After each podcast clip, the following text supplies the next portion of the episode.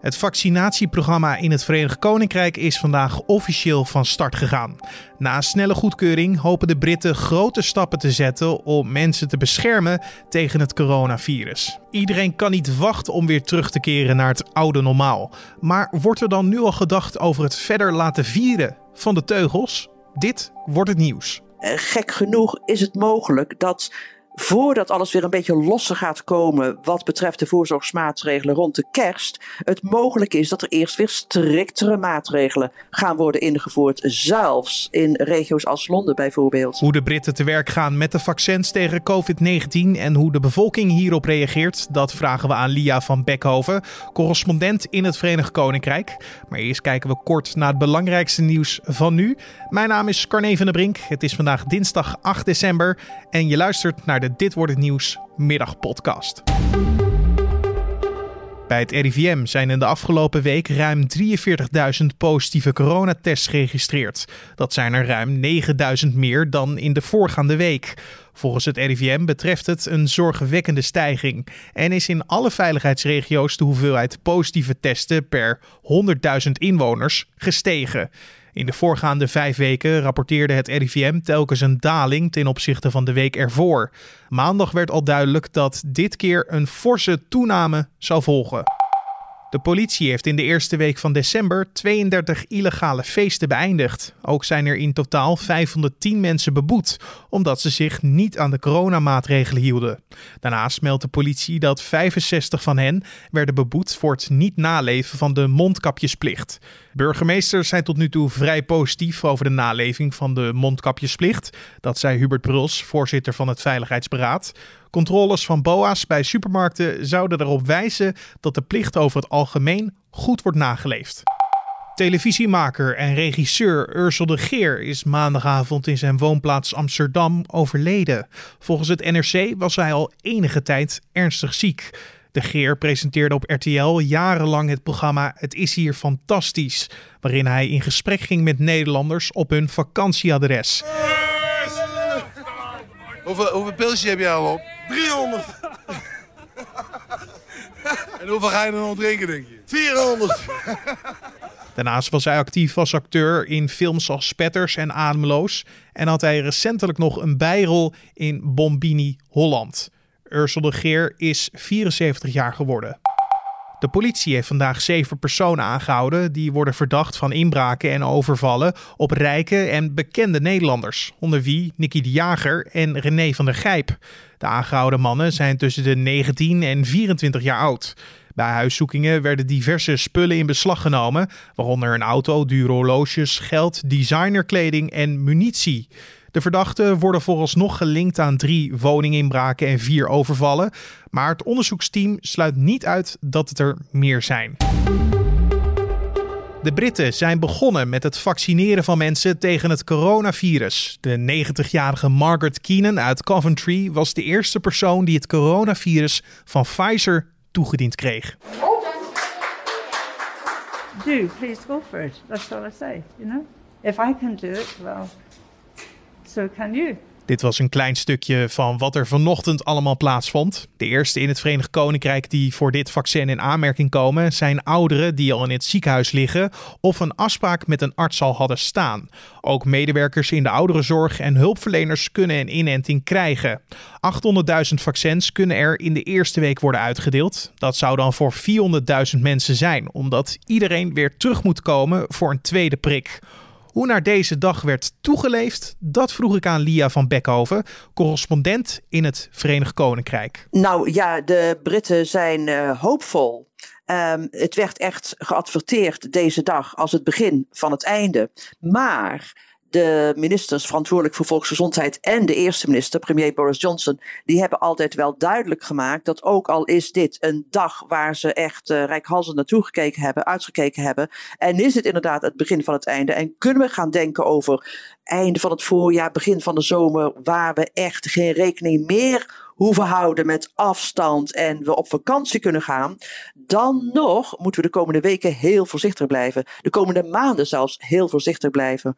En gek genoeg, en ik weet niet of de Britten zich dat realiseren, um, gek genoeg is het mogelijk dat voordat alles weer een beetje losser gaat komen wat betreft de voorzorgsmaatregelen rond de kerst, het mogelijk is dat er eerst weer striktere maatregelen gaan worden ingevoerd, zelfs in regio's als Londen bijvoorbeeld. Omdat mensen te hoopvol worden, bedoel je dat? Precies, heel veel mensen die denken dat het, uh, nou ja, het vaccin is er, dus een kwestie van weken en het is allemaal achter de rug. Uh, we kunnen weer wat makkelijker gaan leven. Maar de complicaties ik wil niet te zwartgallig zijn hoor. Het is natuurlijk mhm. fantastisch nieuws allemaal. En het is ook heel mooi om te horen hoe um, ministers met tranen in de ogen gekeken hebben naar de beelden van de eerste 90-jarige vrouw. Uh, die de eerste persoon ter wereld was die het Pfizer-vaccin uh, toegediend kreeg vanochtend. Allemaal prachtig. Um, maar ik denk dat de Britten zich ook niet realiseren dat je twee uh, inentingen nodig hebt, drie weken na elkaar. En dat het dan nog een week duurt daarna um, voordat je COVID-vrij bent. Hoewel ook dat laatste niet gegarandeerd is. Niemand weet hoe lang de uitwerking van het vaccin gaat duren. En het is ook onduidelijk of je uh, het vaccin kunt overdragen, omdat je het toch wel kunt krijgen. Wat, het, wat dit vaccin wel doet, is dat het je behoedt voor ziek worden door het virus. Dat is, enige, dat is het enige eigenlijk wat we zeker weten. De rest is toch onduidelijk. Er zijn dus nog steeds heel veel vraagtekens. Uh, maar er was heel veel snelheid mee gemoeid. Dankzij een noodprocedure konden ze beginnen met het uh, vaccinatieprogramma. Wilden ze de meute voor zijn? Ze wilden het zo snel mogelijk doen, de Britten. De Britten hebben een hele goede reputatie als het gaat om het uittesten van, uh, van vaccins. En ze hebben ook veel ervaring in het uitrollen van massavaccinaties. Dus wat dat betreft zijn de Britten goed voorbereid. Maar wat betreft het hele snelle goed goedkeuren van het vaccin weken sneller dan uh, in uh, de, de Europese Unielanden bijvoorbeeld, heeft te maken met het feit dat ze snel begonnen zijn aan het toetsen. Dat ze heel snel alle data, uh, uh, terwijl die data al binnenkwamen, um, hebben bekeken, tegen het licht gehouden, vergeleken met anderen ook. Met andere woorden, de Britten zeggen: wij zijn er, toe, wij zijn er gewoon heel snel bij geweest. Uh, we hebben niet gewacht totdat Pfizer zei: um, wat ons betreft is het akkoord, kijken jullie nog even. we zijn vanaf het allereerste begin dat die die informatie binnenkwam over de gevolgen van die toetsen zijn wij al gaan checken. En we hebben dat sneller gedaan, dat checken, dan elders in de Europese Unie. Um, maar we hebben, de kantjes, we hebben de kantjes er zeker niet van afgelopen. En het is ook een kwestie van een paar weken hè, voordat uh, uh, in Nederland uh, het eerste vaccin gaat worden toegepast. Maar bespeur jij dan heel veel vertrouwen bij het Britse volk nu? Goeie vraag. Wat mij opviel de afgelopen paar dagen is hoeveel bekende oude Britten in de media zeggen van ik laat me zeker inenten, ik ga me absoluut laten vaccineren. En de reden, ik bedoel zangers, jij kent ze waarschijnlijk niet, maar een zangeres als Lulu bijvoorbeeld, die mhm. inmiddels volgens mij ook in de 70 is. En de reden waarom die mensen zich laten citeren is om toch heel veel twijfelaars over de streep te trekken. Want die zijn er. Bijvoorbeeld dat de, de Queen en, uh, al gezegd heeft: zodra ik het vaccin heb, en dat zal de komende, denk ik, dagen gebeuren. Hè, want ze is ook uh, eh, 94 en de man is 99.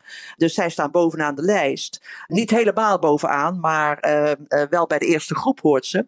Dus um, zij heeft ook gezegd: wij gaan het meteen laten weten zodra we ons hebben ingeënt. En dat is inderdaad om toch um, de aarzelingen weg te geven die vrij veel mensen hebben. Aarzelingen op de eerste plaats omdat de Britten er zo snel bij zijn. Dat wekt niet overal vertrouwen. Uh, en ook aarzelingen van uh, de antivaxers, die er sowieso niet in geloven. Maar ertussenin zit ook een groep die wel overgehaald kan worden, maar uh, daar moet men meer moeite voor doen. Als we het dan nog hebben hè, over dat snelle uitrollen van, van het vaccin. Kan je het ook zien als een soort prestigestrijd van een land wat vanaf Zeker. 2021 helemaal op eigen benen staat? Helemaal waar. Het is zeker ook, ook politiek. Niet wat de medische wetenschappers betreft. Die hebben het uh, zo snel gedaan omdat ze er uh, erg hard aan gewerkt hebben. En wat ik je eerder zei, uh, er snel bij waren om al de data tegen het licht te houden en te checken. Maar politiek wordt het zeker gebruikt, zoals je suggereert, als een voordeel van Brexit.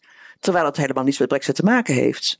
Maar zo wordt het ook weer. Vandaag uh, zag ik uh, jubelende krantenkoppen in de mainstream media over wij zijn er als eerste bij en dat kan dankzij Brexit. Met andere woorden, we hebben de Europeanen helemaal niet nodig, we kunnen alles alleen, zelf. Um, met echo's van de Tweede Wereldoorlog, toen de Britten er volgens de mythe ook alleen voor stonden. Dat vind je wel terug, ja. Maar nogmaals, dat is politiek, dat is niet gestoeld op wat voor um, wetenschappelijk uh, bewijs dan ook. Maar het is belangrijk voor de Britten er op het eerste erg snel bij te zijn, omdat uh, er weinig landen zijn met zo'n hoog dodencijfer van mensen die overleden zijn aan COVID um, als het Verenigd Koninkrijk. En ook omdat Groot-Brittannië een van de zwaarst getroffen landen is, economisch gesproken, als het gaat om COVID. Iets wat je ook hoort is over de uitrol van uh, de vaccinaties. Dat is dat het wel een militaire operatie lijkt. Klopt dat beeld? Nou, niet tot nu toe, nee. Kijk, logistiek is het heel erg ingrijpend en fantastisch ingewikkeld. deze, we hebben het over vaccins die, in, uh, die uh, maar vier keer als ze eenmaal ontdooid zijn en ze moeten bewaard worden bij een temperatuur van minder dan uh, min 70, hoger dan min 70, ehm, dan moeten ze ontdooid worden en dan kunnen ze maar vier keer vervoerd worden, bijvoorbeeld. En alleen in hele grote doses. Dus, dus, dus ga maar na. Je kunt niet zomaar uh, achter op de fiets met een pakje uh, van die vaccins naar het verpleeghuis en ze daar gaan uitreiken. Dat is allemaal nogal ingewikkeld. Um, maar wat je ziet is dat de Britse gezondheidszorg um, een aantal centra heeft, die opnieuw worden ingericht, zal ik maar zeggen. We hebben het over zeker 50 centra. Maar het meeste zal neerkomen op geen prikstraten. We gaan, de meeste, het meeste zal neerkomen op ziekenhuizen, gezondheidscentra en huisartsenpraktijken. Maar ook um, apothekers bijvoorbeeld. Ja. De Britse apotheker uh, is ook, uh, daar, daar kun je ook uh, een prik gaan halen. Maar hebben ze dan wel al een stip op de horizon gezet wanneer ze hopen genoeg mensen te hebben ingeënt? Nou nee, die is er niet helemaal gezet, gezet nog. Maar je hoeft natuurlijk niet de hele bevolking in te enten om immuniteit te hebben onder de bevolking uh, tegen COVID. Je moet alleen zorgen dat de meest kwetsbare groepen ingeënt zijn. En ik weet het niet uit mijn hoofd, maar dat zijn wel uh, ettelijke miljoenen. Maar het is zeker niet uh, eh, 90% van de Britse bevolking. Het is veel minder. Waar zal denk je de komende tijd dan de focus op gaan liggen? Zo snel mogelijk die eerste lading vaccins er doorheen krijgen? Of eerst toch afwachten hoe het aanslaat bij de, de eerste patiënten? Nee hoor, nee hoor. Zo snel mogelijk de eerste lading. Maar de eerste lading is maar 800.000. en dat betekent dat dus maar 400.000 mensen ingeënt kunnen worden. En je zal uh, miljoenen, miljoenen meer vaccins nodig hebben uh, om uh, immuniteit te bewerkstelligen. Maar die komen er al aan, hè? dat werd al geschetst, dat, dat die doses eraan zitten te komen. Ja, die komen er inderdaad aan. Wanneer exact is nog niet duidelijk. Heel erg bedankt, Verenigd Koninkrijk-correspondent Lia van Bekhoven. En dan het weer. Vanavond en vannacht is plaatselijk kans op mist. En tijdens de opklaringen gaat het licht vriezen. Morgen verloopt de dag veelal grijs en eerst lokaal mistig. In het westen is later kans op een bui. En het wordt opnieuw maximaal 2 tot 5 graden. En om af te sluiten nog even dit. Plastisch chirurgen krijgen steeds meer patiënten met wonden aan hun handen. Doordat ze advocado's verkeerd ontpitten. De Nederlandse Vereniging voor Plastische Chirurgie wil daar verandering in zien en roept daarom Nederlandse supermarkten en producenten op om de ontpitinstructie bij avocado's aan te passen. Nu zijn er vaak twee mogelijkheden: met een mes of met een lepel. Met het mes kan het nou eenmaal fout gaan, waardoor mensen zich bijvoorbeeld snijden aan de vinger en er een zenuw beschadigd raakt. Dus wees lief voor je handen en zenuwen en gebruik een lepel. Op brood of bij de tortilla chips zal je niet het verschil proeven. En tot zover de Dit Wordt Het Nieuws middagpodcast voor deze dinsdag 8 december. Je vindt ons op de voorpagina van nu.nl en natuurlijk in je favoriete podcast app, zoals een Spotify of Apple Podcast. Je kan je gratis abonneren en zo mis je geen uitzending. En heb je nog feedback, vragen of suggesties voor ons? Stuur die dan door naar podcast.nu.nl. Dat is ons mailadres podcast.nu.nl. Mijn naam is Carne van de Brink. Bedankt voor het luisteren en graag tot de volgende podcast. Yeah.